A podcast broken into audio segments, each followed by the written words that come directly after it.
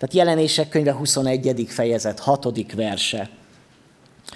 És ezt mondta nekem, megtörtént. Én vagyok az alfa és az omega, a kezdet és a vég.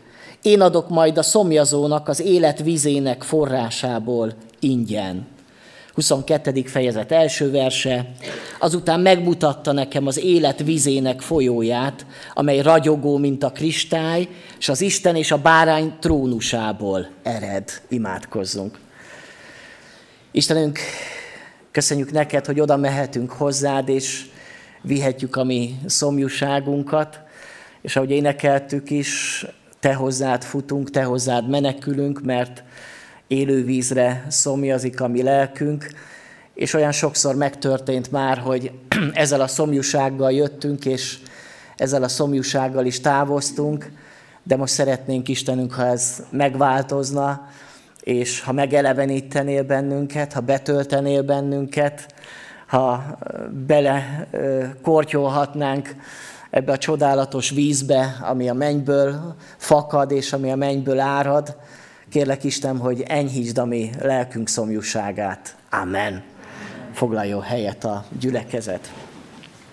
Tehát egy olyan témát hoztam, ami végigvonul az egész Szentíráson, ez a lelkünknek a, a vágyakozása, szomjúsága, ami egészen a kezdetektől megjelenik egészen a végéig. És itt, ami igét fölolvastam, az már a, a beteljesedése lesz ennek a szomjúságnak, az igazi megoldása annak a szomjúságnak, amit mindannyian egész életünkön át tapasztalunk, ami talán minden szenvedésünknek és sokszor bűneinknek az okozója, Ezeket fogjuk ma megnézni, és azt, hogy már itt a földi életben, amikor még nem vagyunk ott a mennyben, még nem vagyunk ott az élő víznek a forrásánál, és az életnek a folyamainál nem vagyunk ott, de már itt a földön hogyan tudunk a szomjunkat, lelkünk szomjúságunkat oltani. És igen, most nem indul el, hogyha egyet, igen, kattintunk, igen, oké, elindult hogyha önmagunkra nézünk, és tapasztaljuk azt, hogy, hogy szomjasak vagyunk, és ez nem csak annyit jelent, hogy fizikailag szomjasak vagyunk, Isten úgy alkotta a mi testünket, hogy 80%-ba vizek vagyunk. Valaki így fogalmazott, hogy az ember nem más, mint egy jó nagy vízibomba, és ami úgy meg van töltve egy nagy tömlő, és persze van más dolog is a mi testünkben, de nagy része ugye víz a mi testünknek, és hogyha nem megfelelő a, a, a vízellátásunk, akkor azt nagyon nehezen éljük meg. Vannak jelei annak, hogyha szomjazik az ember, kiszárad a szája, és akkor kicsit talán idegesebb lesz, megfájdul a feje. Nem tudom, hogy mennyi volt az az idő az életünkben, amit hosszú távon ilyen szomjúsággal töltöttünk. Talán a legborzasztóbb halál lehet az, amikor valaki szomjan hal, és nem kap vizet, amikor mondjuk a pusztába van, és megy, megy, és nem talál egyetlen egy forrás se, és, és ott veszik el a pusztaságba, hát ez valami borzasztó állapot lehet. De ahogyan a testünknek szüksége van vízre, ugyanúgy a mi lelkünket is úgy alkotta meg az Isten, hogy, hogy vágyakozik élő víz után. Ezt nem mindig így fogalmazzuk meg, de közben tapasztaljuk, vesszük észre, hogy vannak vágyaink, vannak olyan érzéseink a mi szívünkbe, ami mindig betöltetlen marad, hogy valahol folyamatosan függőségbe vagyunk, hogy valami szükséges, hogy bevigyünk a, a mi lelkünkbe, azért, hogy jól érezzük magunkat. Egy nagyon érdekes kifejezése a, a Bibliának, az ember lelkének a megfogalmazása. A Héber szöveg azt a ö, szót használja, hogy nefes, ami azt jelenti, hogy torok. Olyan mi lelkünk, olyan, ami lelkünk, mint egy torok, ami örökösen nyelne a torkunkkal iszunk, tehát azzal iszunk vizet. Ugyanúgy a, a lelkünk is egy olyan szerv, ami állandóan inni akar és soha nem te, telik be. És a gyomrunkat pedig úgy nevezi a Bibliába a Héber nyelv, hogy ez olyan, mint egy tömlő, ami, amit örökösen meg kell tölteni. Nem csak étellel, hanem meg kell tölteni azt vízzel. Hát így alkotott minket az Isten, ezzel akár akarunk, akár nem, de ezzel szembe kell nézni. Milyen jó lenne, hogyha nem lennének a lelkünknek szükségei, ha nem lennének vágyai, akkor talán sokkal örömtelibb lenne az életünk, de az Isten tudatosan így alkotott bennünket, és meg is adja az ehhez szükséges megoldást. Nagyon érdekes, hogyha Jézus életét nézzük, akkor Jézus ott a mennybe soha nem szomjazott, hiszen ott az élő vizek folyamai ott vannak, az Isten maga, Jézus Krisztus, miért szomjazna ő? De amikor eljött a földre, ő is átélte ennek a testnek a nyomorúságát, annak a léleknek a nyomorúságát, ami az emberi természetünkből fakad, és leginkább a Golgotai kereszten élte át azt a dolgot, hogy, hogy szomjazom. Ez talán a legelkeseredettebb szava ott a Golgota keresztjén, amit olvasunk, amikor ezt kimondja még már halála előtt, hogy szomjazom. Persze az emberek azt gondolták, hogy fizikailag szomjazik, és nyújtottak is felé ecetes vizet, amivel enyhítse az ő szomjúságát, de igazából ő nem fizikailag, vagy nem csak fizikailag szomjazott, hanem leginkább lélekben, szellemében szomjazott, és ezt a szomjaságot ott élte át leginkább a kereszten, azt, amit talán mi is folyamatosan átélünk az életünkbe. Ennek a szomjúságnak az oka elsősorban az, hogy Isten után vágyakozik a mi lelkünk. És nagyon sok ember ezt így nem tudja megfogalmazni. Ez már tulajdonképpen a, a legnagyobb felismerése az embernek. A megtérés tulajdonképpen azt jelenti, hogy nekem Istenre van szükségem. Akire, amire vágyakozik az én szellemem, az nem más, mint az Isten. Amit próbáltam más dolgokkal betölteni, próbáltam más dolgokkal enyhíteni lelkem kínos, kínos ö, ö, szomjúságát, de egyedül Isten képes engem teljesen megelégíteni. És ezt a felismerést fontos, hogy magunk számára is tudatosítsuk, hiszen hiába mondhatjuk azt, hogy mi már nagyon hívő emberek vagyunk, meg már régóta hívő emberek vagyunk, de ha csak magamat nézem, én gyakran élem át hívő emberként is, hogy szomjas maradok, és más dolgokkal próbálom enyhíteni lelkemnek az ürességét, és nem magával az Istennel. Hogy nem az az első gondolatom, hogy mint a szarvas, ami a víz forrás után vágyakozik, úgy szomjazik az én lelkem rád, és, és megyek az Isten után, és vágyodom, hogy az ő betöltsön az ő jelenlétével, az ő örömével, az ő szeretetével, hanem megpróbálom játszani ugyanúgy azokat a stratégiákat, amiket a hitetlen ember is végez, hogy más emberektől, más élményekből, vagy más eszmékből próbálok valahol pici kis vizeket iszogatni. Olyan szépek ezek a zsoltárok, fel is olvasom ezeket az igeverseket. Ahogyan a szarvas kívánkozik a folyóvízhez, úgy kívánkozik a lelkem hozzád, Istenem. És úgy jó lenne, hogyha ezen a mai Isten tiszteleten úgy betöltene minket ez a vágy, hogy az élő Isten után vágyik az én szívem. 63. Zsoltár. Ó Isten, te vagy Istenem, hozzád vágyakozom. Utánad szomjazik a lelkem, utánad sóvárog a testem, mint kiszikkadt, kopár, víztelen föld. Hát ilyen az élet, ilyen a világ, egy kopár, kiszikkadt, víztelen föld, ami után vágyakozik a mi lelkünk, mert hogy megelégíteni akarja a, a lelkét, de felismerem-e azt, hogy Uram, én nekem csak Te kell lesz. Csak Te tudod enyhíteni lelkem csillapíthatatlan szomjúságát. És nem érem be ennél kevesebbel, és nem akarok más dolgok, dolgok után szaladni. A nagy kérdés tehát az, hogy hol vannak az én lelkemnek az erőforrásai. Egyrészt vannak anyagi források, amiket meg kell, hogy találjunk az életünkbe. Az általában a munkánk, a, a kapcsolatainkban, az ügyességünkben találjuk meg, hogy vannak anyagi forrásaink, amik biztosítják azt, hogy meg tudunk élni, hogy tudunk gondoskodni önmagunkról, tudunk gondoskodni a családunkról, hogy, elérhetünk különböző célokat. Ezeket a forrásokat fontos, hogy megtaláljuk, hogy mindannyian rátaláljunk az anyagi forrásainkra. De ugyanilyen fontos az, hogy az érzelmi forrásainkra is rátaláljunk, hogy miből táplálkozunk, vagy miből tápláljuk a mi lelkünket. Ugyanis ezek a források, amikből a lelkünk táplálkozik, azok lehetnek és válnak bálványokká. Mert hogyha nem az Istenbe kapaszkodik be a mi szívünk, a mi lelkünk, hanem más egyéb dolgok után szaladunk, akkor előbb-utóbb azt fogjuk tapasztalni, hogy az Isten már annyira nem is érdekel bennünket. Már nem annyira lelkesít bennünket az Isten jelenlétébe való menetel.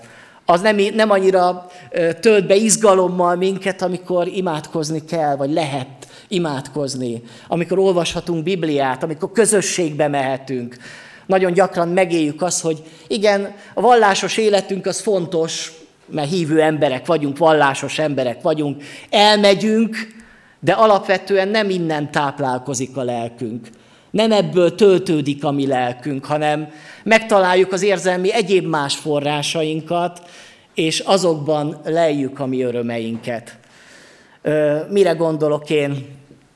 József Attila így fogalmaz nagyon ismert versében, a Mama című versében, én még őszinte ember voltam, ordítottam, toporzékoltam, hagyja a dagat ruhát másra, engem vigyen föl a padlásra.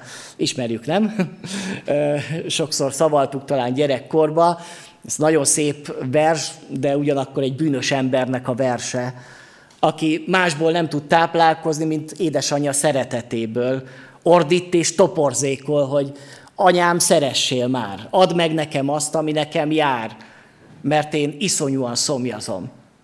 Valamiből táplálkoznom kell. Mi is sokszor így vagyunk, ordítunk és toporzékolunk, nem a mama után lehet, hanem más egyéb dolgok után, amikre vágyunk.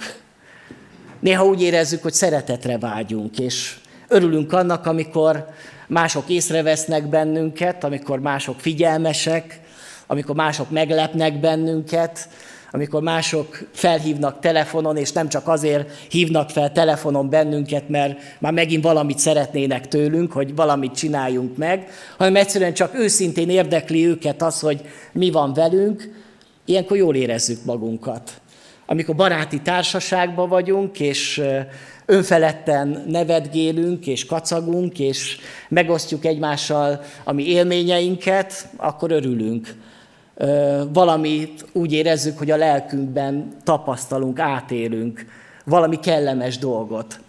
Aztán mi van akkor, hogyha mellőznek bennünket, ha nem figyelnek ránk, ha, ha nem hívnak föl telefonon, és nem küldenek mondjuk egy SMS-t, vagy egy messenger üzenetet, nem lájkolják az üzeneteinket, és, és, és nem hív fel senki telefonon, nem keres bennünket senki, akkor nagyon rosszul érezzük magunkat. Mert úgy érezzük, hogy nem szeretnek minket, hogy elutasítanak minket, hogy nem vagyunk olyan fontosak mások számára.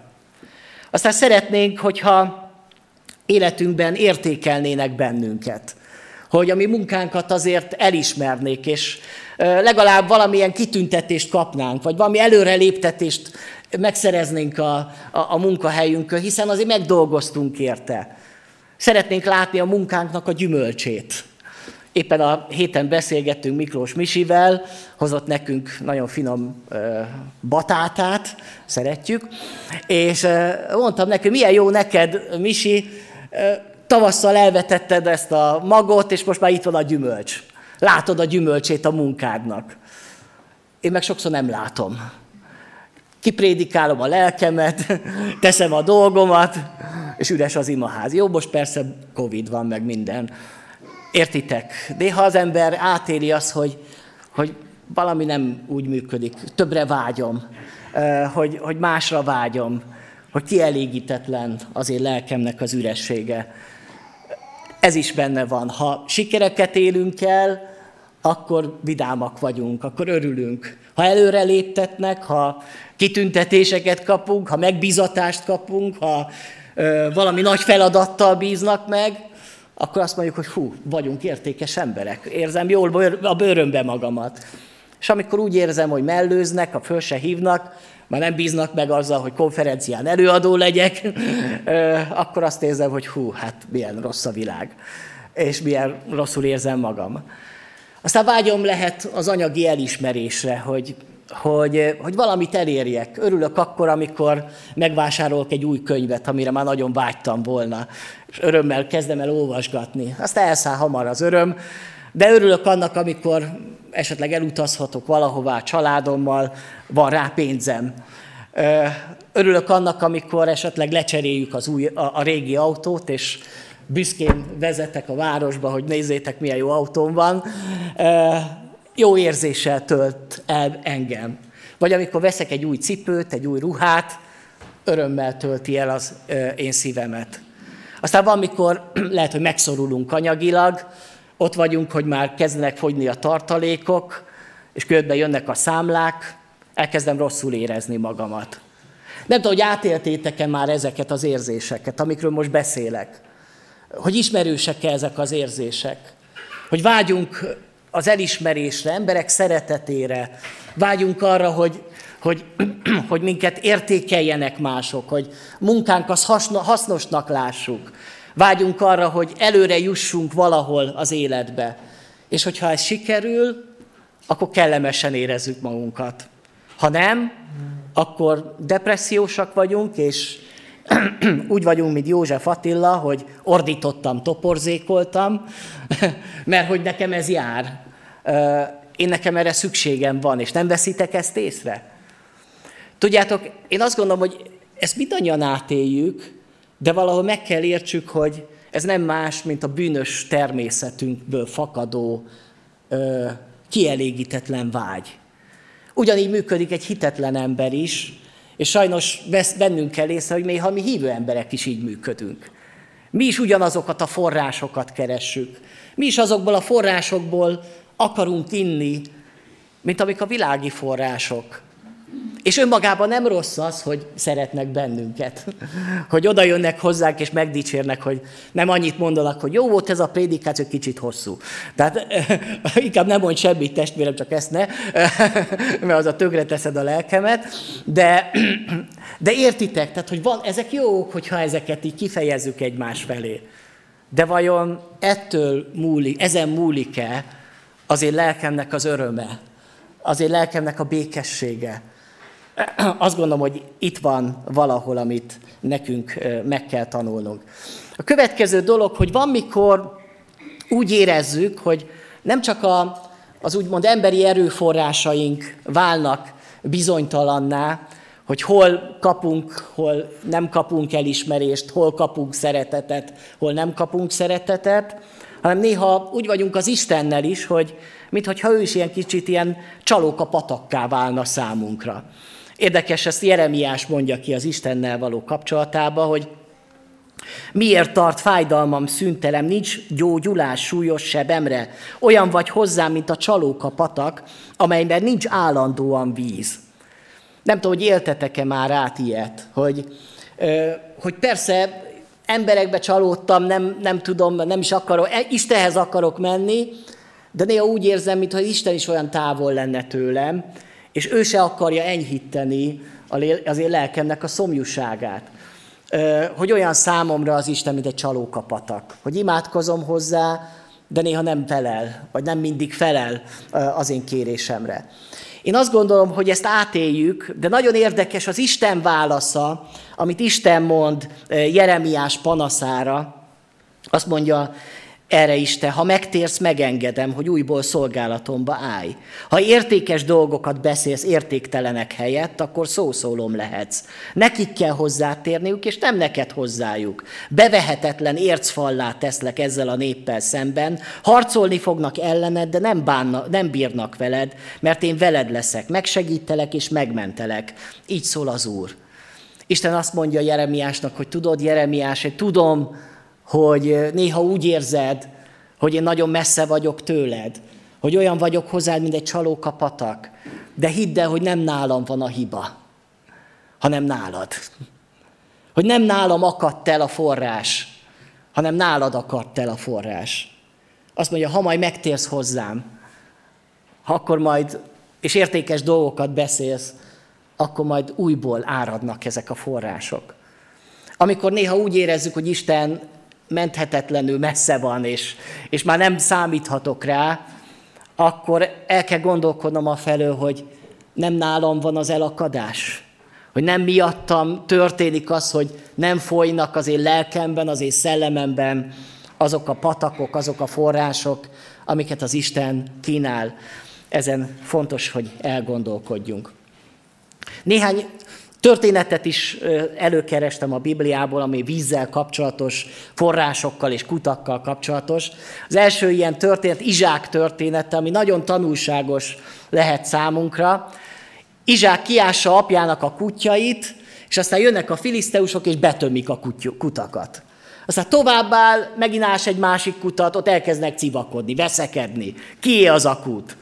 Elkergetik Izsákot, pedig a saját kutyáról van szó, ő meg elmegy. Aztán megint ás kutatott, megint civakodnak, megint elmegy. Végül talál egy olyan helyet, ahol már végre nem civakodnak, ott letelepedik, és azt mondja, most már tágás helyet szerzett nekünk az Úr. És nagyon tanulságos ez a történet, mert kifejezi azt, hogy, hogy a víz az nagy érték, ritka dolog. És hogy mennyire harc, harc folyik ezekért a forrásokért a világba hogy, hogy valahol úgy érezzük, hogy valahol valami jó dolog történik, rögtön oda jönnek a szomjas lelkek, és ö, mi pedig úgy érezzük, hogy a, a mi forrásunkat elveszik tőlünk. Hogy harcok vannak a kutakért, harcok vannak egy munkahelyen az elismerésért, a rangokért, a pozíciókért. Mert egy forrás, amiből lehet egy picit táplálkozni, egy picit enyhíteni a mi lelkünk szomjúságát és harcolunk a kutakért. Érezzük, hogy mi is néha ebbe benne vagyunk. Harcolunk mások szeretetért, hogy, hogy, hogy, hogy szeressenek bennünket. Mi szeretnénk odaérni előbb, mi szeretnénk győztesek lenni, és néha úgy érezzük, mások elveszik tőlünk. És milyen bölcs volt Izsák, aki azt mondta, hogy nem harcol ezekért a kutakért. Ő megkeresi a saját forrását, amikor, amikor már nem kell harcolni érte. Ez is egy érdekes kép. Következő kép, ez a keserű víznek a története. Biztos, hogy emlékeznek a testvérek. Izrael népe kivonul Egyiptom földjéről, elkezdenek a pusztán átmenni a sínai hegyéhez, ahol majd kapják a tíz parancsolatot, és az Isten szövetséget köt majd a néppel. És körülbelül három napon keresztül erőltetett menetbe menetelnek a sínai pusztába. Most gondoljunk bele, kb. 50 kilométer egy olyan tömeggel, aminek a létszámát így írja le a Biblia, hogy 600 ezer férfi volt közöttük. Hát akkor még ugye gyerekek, meg nők, hatalmas tömeg, akik kivonultak Egyiptomból. Mennyi vízre lenne szükségük, mennyi táplálékra lenne szükségük. Mózes gondoltál erre? Amikor minket felbátorítottál arra, hogy kivonuljunk Egyiptomból, ahol a húsos fazekaink voltak, ahol igazából nem kellett szomjaznunk, de most amióta szabadok lettünk, ugye, mert most ugye szabadok vagyunk, azóta szomjazunk. Itt vagyunk a pusztába. Lehet, hogy megéltünk ilyet, hogy mi azt gondoljuk, hogy az Isten megszabadított bennünket, aztán egyszer csak sivatagba találjuk magunkat, és és úgy érezzük, hogy nincs mit innunk, és már kezdünk lázadozni, hogy Mózes, ez nem jó ötlet volt, menjünk vissza. És egyszer csak meglátnak egy vizet, egy, egy tót, egy tavat. Az egész, el tudjuk képzelni, hogy az a sok ember, mikor meglátja, elkezd rohanni, a szomjas emberek. Mennek oda, és elkezdenek inni. És abban a pillanatban köpik ki a vizet. Hát ez keserű. Ihatatlan, poshat víz. Fúj, mérgező, mindenféle, nem tudom, trutyik vannak benne. Hát ki inna ilyen vízből, még akkor is, hogyha szomjas, mérgező, meg fogunk halni. Ez a kép szerintem nagyon kifejező, és értsük jól a Bibliából ezeket a képeket, hogy gyakran mi is ilyen szomjúhozó módon rohangálunk a pusztába, és amikor meglátunk végre valami forrást, és oda szaladnánk, egyszer csak beleiszunk, és azt érezzük, hogy oh, ez mérgező. Amikor lehet, hogy egy ilyen mérges vízé válik, ilyen mérgező vízé, vagy ilyen keserű vízé válik a, a munkahelyed. Ahol eleinte nagyon szerettél eljárni, és nagyon örültél neki, hogy végre jó helyre kerültél, és aztán előbb-utóbb eltelik néhány hónap, néhány év, és úgy érzed, ez az egész ilyen keserű víz számodra. Amiben, ha bemész, akkor csak egyre rosszabbul érzed magadat. Mert a munkatársak ilyenek, az élet, a munkakörülmények ilyenek, már nem tölt téged föl. Ez csak egy keserű víz. Lehet, hogy valaki úgy érzi, ilyen az én családom. Hajdanában olyan szerelmesek voltunk egymásban, most meg szívjuk egymás vérét. Én sok ilyen családdal találkozok, mert lelki gondozás során elmondják, hogy, hogy keserű vízé vált az, ami egykor édes volt. Mit csináljunk? Vagy lehet, hogy más dolog az életedben, ami régen úgy örömtelinek tűnt egy-egy barátság, és néha olyan jót beszélgettünk, aztán ezt azt veszed észre, hogy a barátot cserbe hagyott. Már nem foglalkozik veled, keserű vízzé vált. Az, ami régen örömet jelentett számodra. Értitek ezt a képet? Hogy valami, ami jó volt, az megkeseredett, az mérgessé vált. És milyen érdekes a kép, egyszer csak jön Mózes, azt mondja ki Isten, hogy dob be ezt a fát ebbe a vízbe, és abban a pillanatban, amikor bedobja azt a fát a vízbe, a keserű víz édessé válik. És szerintem ez egy nagyon szép profétai kép, benne van a, a Bibliában egy olyan üzenet, ami lelki gondozói erővel bír, hogy a mi életünkben azok a keserű vizek, ahonnan már nem tudunk táplálkozni, de amikor oda kerül az a fa, aminek van egy vízszintes és egy függőleges szára, úgy hívják, hogy kereszt, akkor minden keserű víz édessé válik. És újból lehet édes számodra a munkahelyed. És újból örömmel mehetsz be a munkahelyedre, mert most már lehet, hogy semmi nem változott. A munkatársak ugyanolyan bunkók, mint amilyenek voltak. És lehet, hogy uh, ugyanúgy érze, ér, érzel át dolgokat, még lehet a családodban is, de ha megjelenik ott Krisztus keresztje, akkor elkezd gyógyulni sok minden.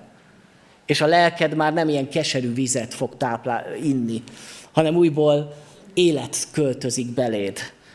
Ugyanez a csoda történik meg Elizeusnál, ezt most nem olvasom föl, de érdemes elolvasni. Ott egyébként nem fát dob bele a vízbe, hanem sót dob bele a vízbe, az ihatatlan vízbe, annak is ilyen különleges üzenete van. Mi tehát a mi bajunk az életbe? Az, hogy szomjasak vagyunk, de valami miatt nem hiszünk, vagy nem gondoljuk azt, hogy nekünk elegendő lenne az élővizek forrása. Vagy lehet, hogy még soha nem is ö, tapasztaltuk meg azt, hogy milyen, amikor Isten maga tölti be az én lelkemnek a, a hiányosságait. Milyen az, amikor az én szomjas lelkemet az Isten úgy felfrissíti. Amikor úgy érzem, mint, a, mint amikor kimegyek egy esőbe, és rám zúdul az eső, a víz és ez úgy eláraszt, átáztat engem. És ezt még soha nem tapasztaltam.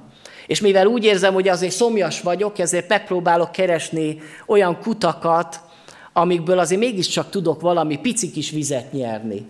És ezért mondja így Jeremiásnál az Úr, hogy mert kétszeres rosszat cselekedett a népem, Engem a folyóvíz forrását elhagytak, hogy víztartókat váljanak, repedezett falu víztartókat, amelyek nem tartják a vizet. Szerintem az egyik legzseniálisabb igevers a Bibliába, ami kifejezi az ember, szomjúságról beszél, az ember megszomjízik, ami kifejezi az embernek a, a lelke működését. Hogy, hogy a bűnös ember kitalál stratégiákat arra, hogy találjon valami kis kutakat. És ezek a kutyaink lehetnek akár a kapcsolataink, lehetnek akár a munkánk, a pénzünk, az elismertségünk, a sikerünk, lehetnek ezek a, a kutak, amikből iszunk, azok a hobbik, amiket űzünk, ami, ami egy picit örömmel tölt fel bennünket, mert hogyha fogok egy ekkora halat, már olyan vidám vagyok, mint hogyha éppen üdvösségre találtam volna. Persze rövid távú ez az öröm, de majd jövő héten fogok egy még nagyobb halat, és akkor még nagyobb örömöm lesz majd. Vagy megnézem a kedvenc sorozatomat, és aztán úgy kicsit örömmel töltem, meg jön egy kis adrenalin.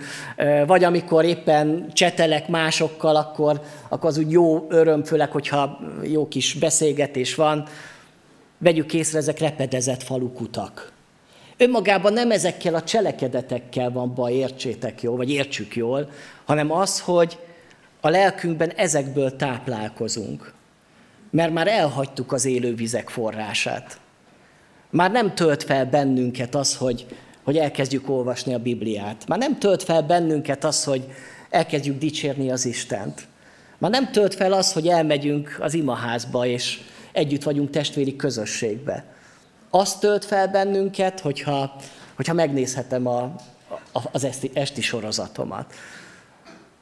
Értitek? Itt van a probléma hogy elhagytuk az élővizek folyamait, forrásait, és repedezett falu kutakat vájtunk magunknak, és amikről aztán később kiderül, hogy nem is tartják meg a vizet. Mert ezek olyan bizonytalanok, ezek valóban csalókapatakok, mert Isten nem csalókapatak, de azok az emberi források, azok mindig csalókapatakok lesznek. Ha te annyira ordítasz és toporzékolsz azért, hogy az emberek téged szeressenek, elismerjenek, valamikor ez megtörténik de nagyon gyakran nem, és elfolyik a víz. És lehet, hogy a munkahelyeden is valamikor értékelnek, valamikor ö, tapsolnak neked, és valamikor pedig kibeszélnek a hátad mögött. Csalókapatak ez. Ez repedezett falukút. És hogyha ezekbe bízol, előbb-utóbb ö, rámegy a te lelked. És az a szomjas lélek, amelyik nem kap elegendő vizet, az lebetegszik. És a lélek betegségei megnyilvánulnak abba, hogy az ember ideges lesz, lesz stresszes lesz, hogy az ember ö, depressziós lesz, hogy az ember zárkózott lesz. Ezek mind annak a tünetei, hogy szomjas a lélek. De lehet, hogy már föladja azt, hogy, hogy valaha találok magamnak egy igazi forrást. Nézzük a következő képet a Bibliából.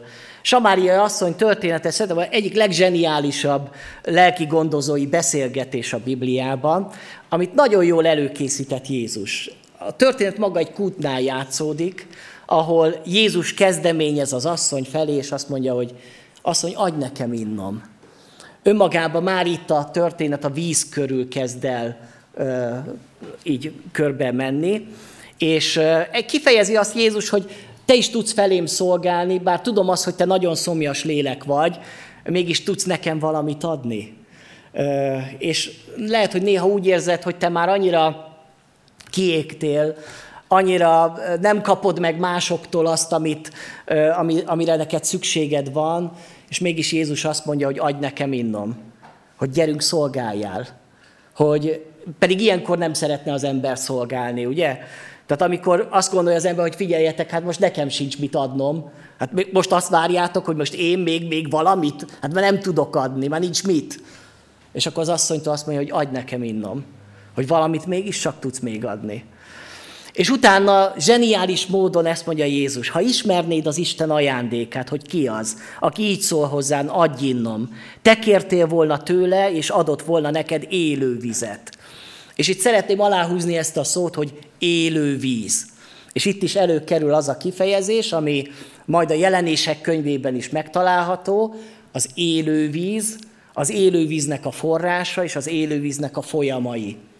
Jézus az élő vizet kínálja, nem egy halott vizet, nem egy mérgező vizet, nem egy repedezett falu kútból ciszternából csatornavizet, vagy, vagy olyan, olyat, ami pöcegödörből jön, ki, ki szeret olyanból inni.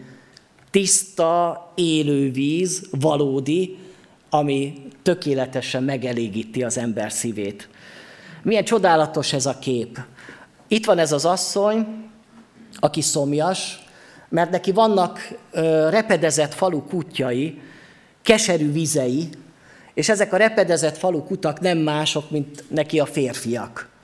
Hogy el is árulja az asszony, hogy volt neki már öt férje, de akivel most együtt él, az már nem is a férje.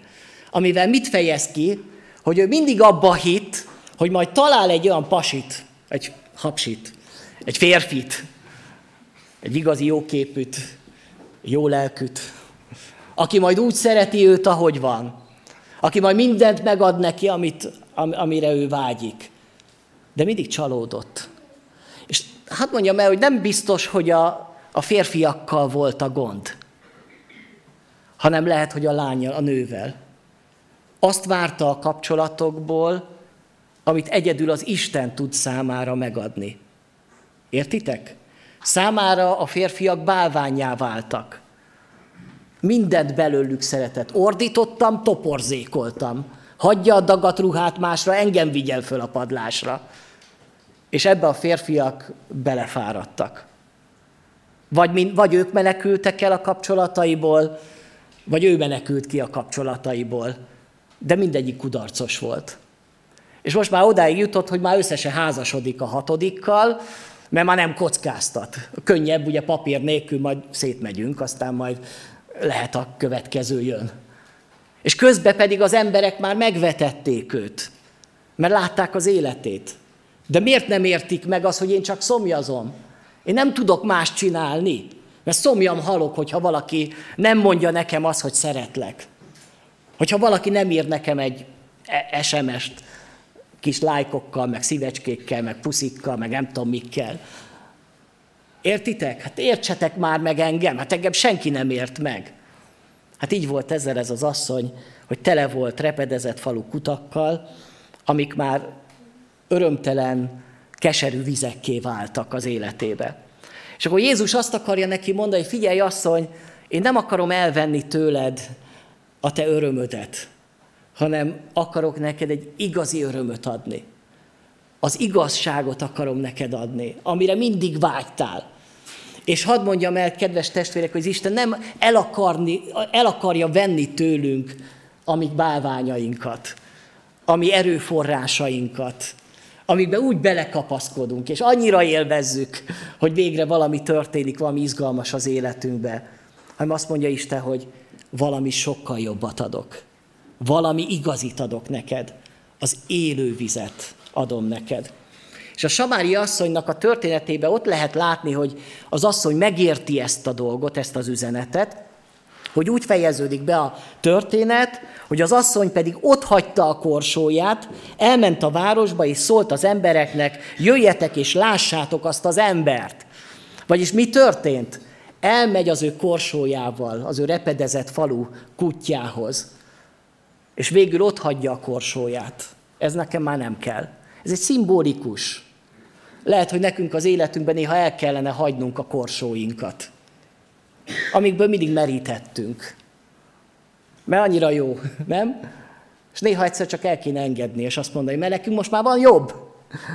És megy, fut, szalad a többiekhez, hogy figyeljetek, eddig menekült az emberek elől. Hát azért ment délbe a kúthoz, nem akart, hogy senki se találkozzon vele. Szégyelte magát, minden baja volt depis volt, minden, de most oda szalad az emberekhez, és ő maga elkezdi mondani, figyeljetek, gyertek, én találkoztam azzal a Jézussal, aki minden tudott rólam, és olyan dolgot adott nekem, amit még soha senki nem adott.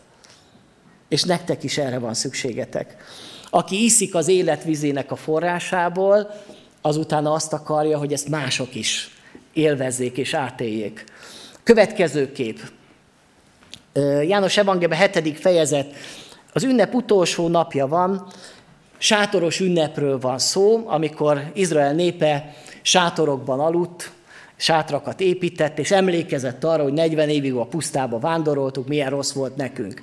És ennek a pusztai vándorlásra való visszaemlékezésnek volt egy gyakorlata, bizony visszaemlékeztek arra is, hogy a pusztában mi szomjaztunk.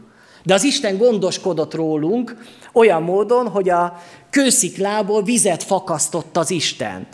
Ezt a képet most jegyezzük meg, mert nagyon fontos, hogy értsük jól majd ezt a Jézusi kifejezést, vagy Jézusi mondatot, amit mond ezen az ünnepen. Tehát a kősziklából víz fakad.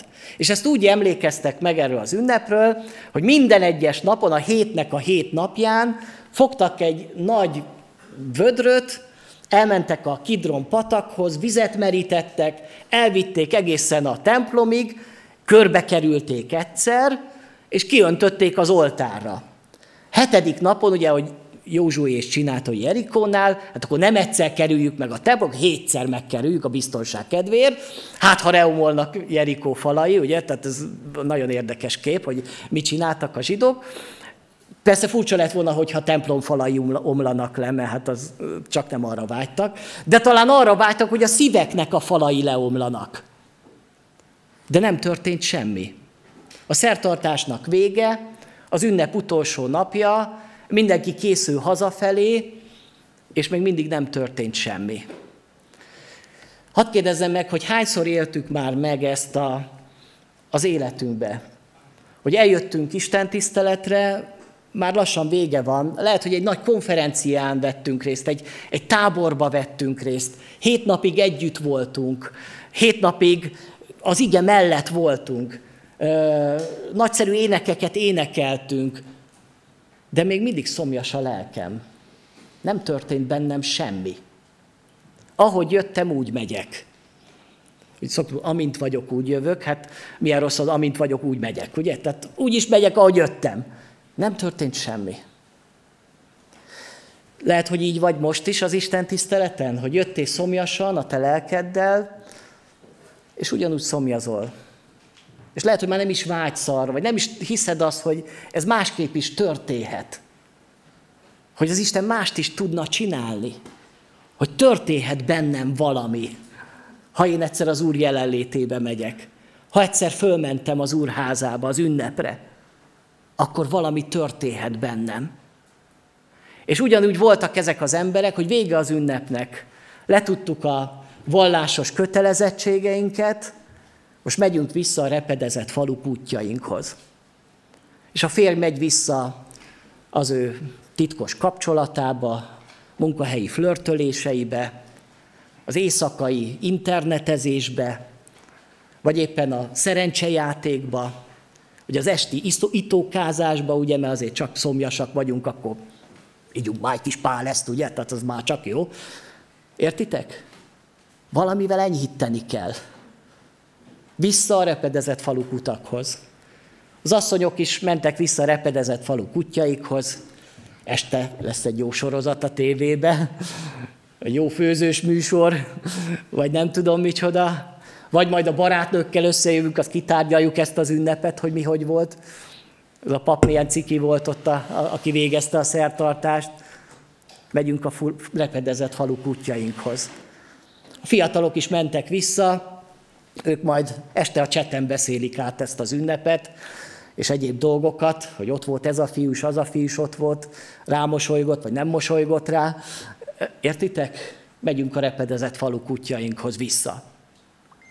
És Jézus pedig föláll az ünnepen, ilyet egyébként nem csináltak. A zsidó rabbik úgy tanítottak, hogy leültek és úgy tanítottak.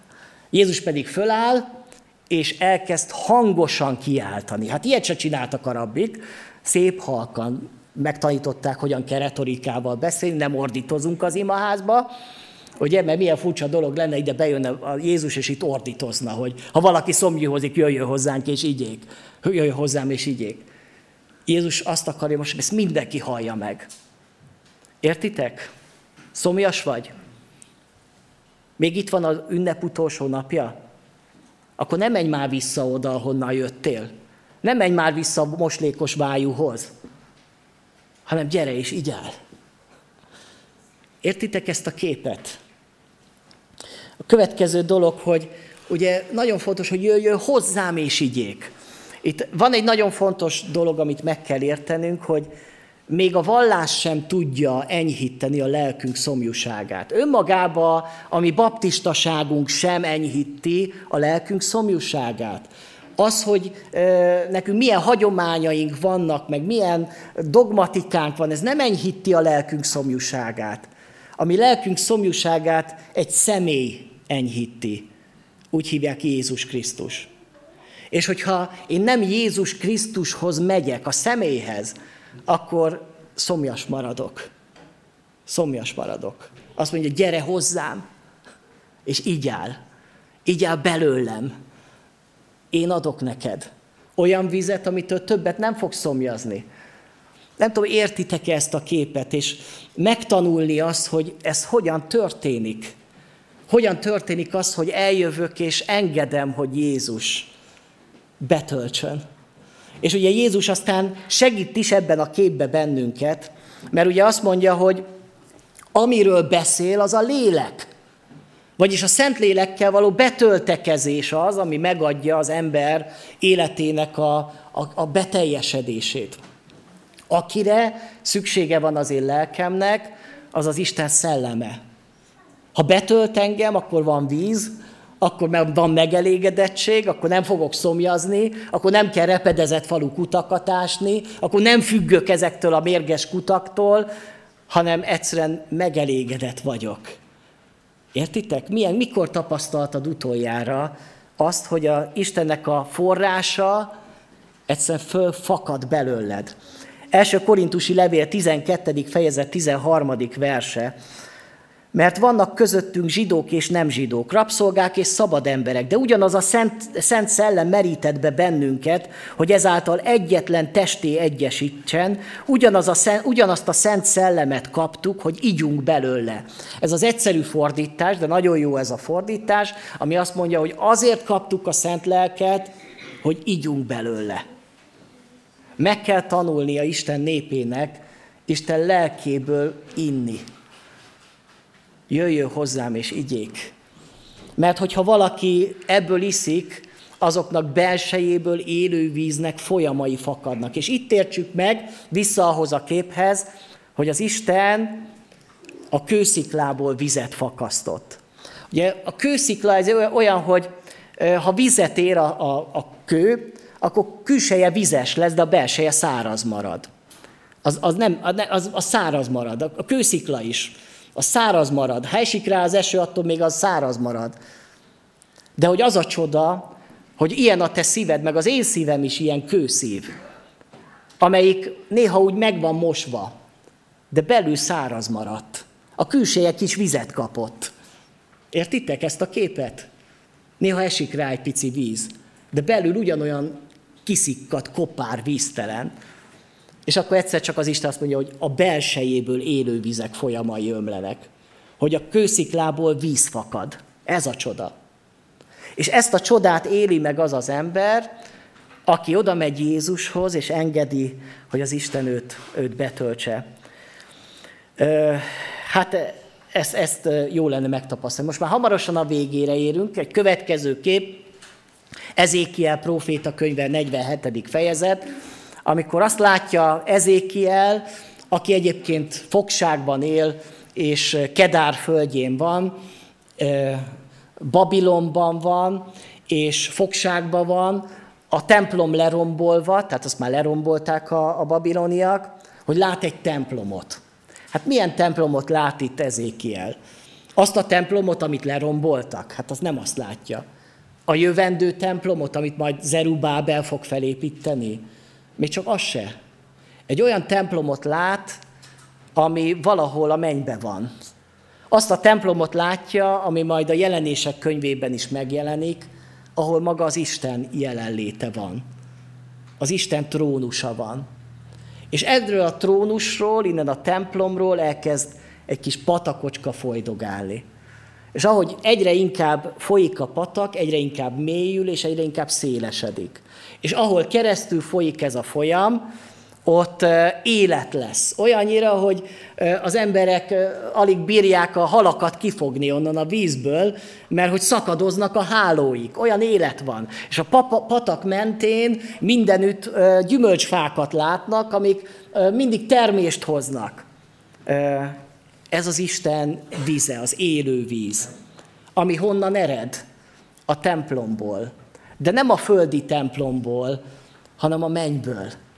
És a kérdés az, hogy az én életemen keresztül ö, áramlik-e ez a víz, ez a folyam, vagy elmegy mellettem. Mert azt mondja, hogy azok a vizek, ami nem folyt keresztül ez a forrás, ez a patak, azok pocsolyák lettek, és tócsák maradtak, amik élettelenek maradtak, és keserűek maradtak, és, élet, és nem volt bennük élet, és sósakká váltak. És ez a kép azt mutatja, hogy azok az emberek, akiken keresztül lehet, hogy hívő emberek, de nem engedik, hogy a szívükön keresztül áramoljon az Istennek a vize, az Isten lelke, az ő szelleme, azok tócsák és pocsolyák maradnak. És üresek és élettelenek maradnak, és gyümölcstelenek maradnak. És azok majd fognak keresni majd más forrásokat. Mert nincs. A kérdés az, hogy melyik kép jellemzi a te életedet, ott vagy benne a megúszható vízben, már nem is, nem is csak térdigáz benne, hanem már, már a fejed föléig ér, mert olyan mély és olyan széles ez a folyam. Értitek? Ez csodálatos kép, amit lát Ezékiel. És meggyógyul benne minden. És akkor jön a, a vége, amit, amit az elején is felolvastam, hogy eljön az az idő, amikor Isten új jeget és új földet fog alkotni. Egy olyan világot, ahol már vége lesz minden harcnak, minden gyásznak, nem véletlenül úgy kezdi, vagy megelőzi ezt a szakaszt az, hogy majd az Isten maga velük lesz, és letöröl minden könnyet a szemükről, és halál sem lesz többé, sem gyász, sem jajkiáltás, sem fájdalom nem lesz többé, az elsők elmúltak, és jön egy új világ, ahol nem lesz szomjúság. Mert az élő Isten majd ad, én adok a szomjazónak, az élet vizének forrásából ingyen. Megint megjelenik az élet vize, amit már itt a földön az Isten, Jézus Krisztus kínálta samáriai asszonynak, amit ott a templomba azt mondja, hogy én ezt az életvizét, az élő vizet fogom nektek adni, már itt kínálja az embereknek, és ott megtaláljuk ennek a víznek a forrását. És ott már nem kell kutakat ásni. Ott már nem lesz szükség arra, hogy oh, ha nem küldenek nekem SMS-t, akkor, akkor depis leszek, vagy nem tudom, mi leszek.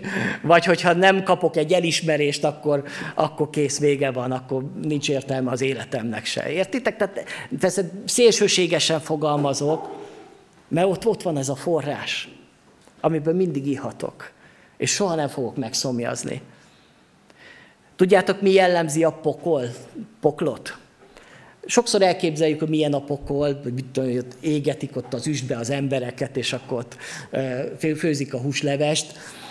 Te lehet így is elképzelni. Én azt gondolom, a pokolnak az egyik jellemző, hogy nincs víz, hogy víztelen.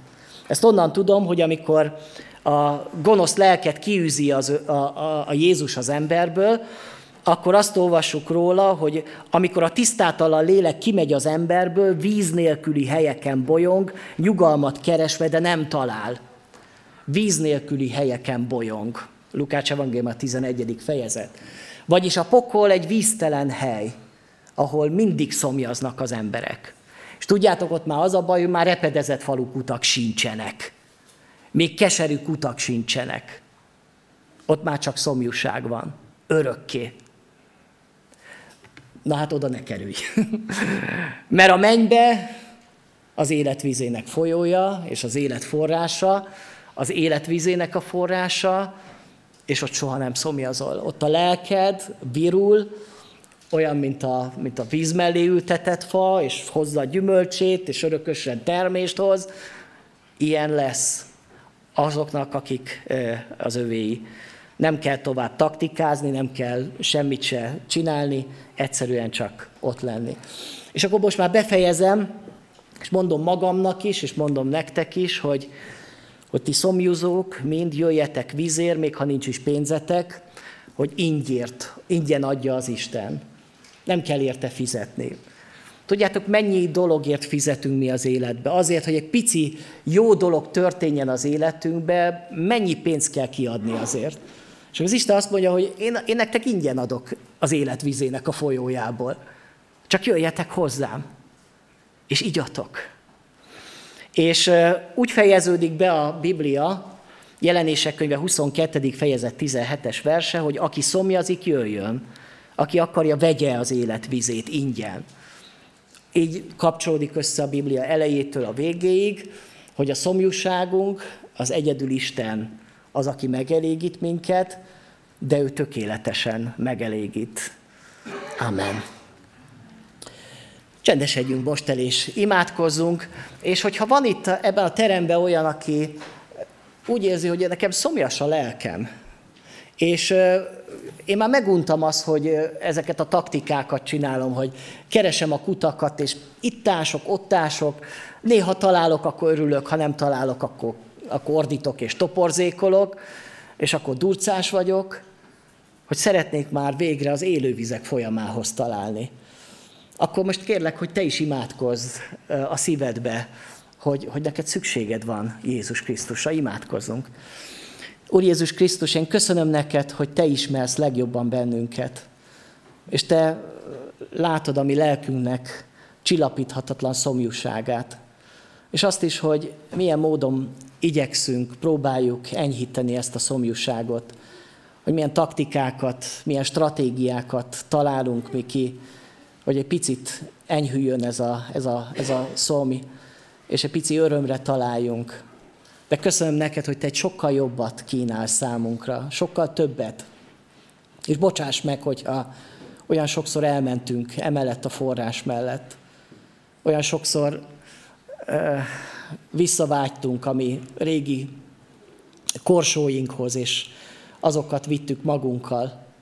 Segíts Istenünk most itt hagyni, ennél a kútnál, ami rossz korsóinkat, repedezett falu kútjainkat, és betöltekezni Istenünk a Te jelenléteddel, szent lelkeddel. Adj ehhez hitet nekünk, és ad Uram, hogy ez az igazság, ez ne csak most itt ebben a pillanatban jusson el hozzánk, hanem jusson eszünkbe a hétköznapokban is, amikor elkezdjük talán ugyanazokat a stratégiákat csinálni, amiket eddig megszoktunk, amiket begyakoroltunk már. Arra kérlek Istenem, hogy, hogy Te árazd ránk a mennyből ezt a folyamot, és ad Uram, hogy ez úgy kiviruljon tőle a mi lelkünk, a mi szellemünk, és ha tudjuk másoknak is továbbadni, és oda mutatni terád így az embereknek, hogy van nálad még sokkal több, és elegendő. Kérlek Isten, hogy így töltsd be bennünket most a Te jelenléte, de itt ezen a helyen, és otthon a mi otthonainkban, a mi szobáinkban, a mi családjainkban, a Te dicsőségedre. Amen.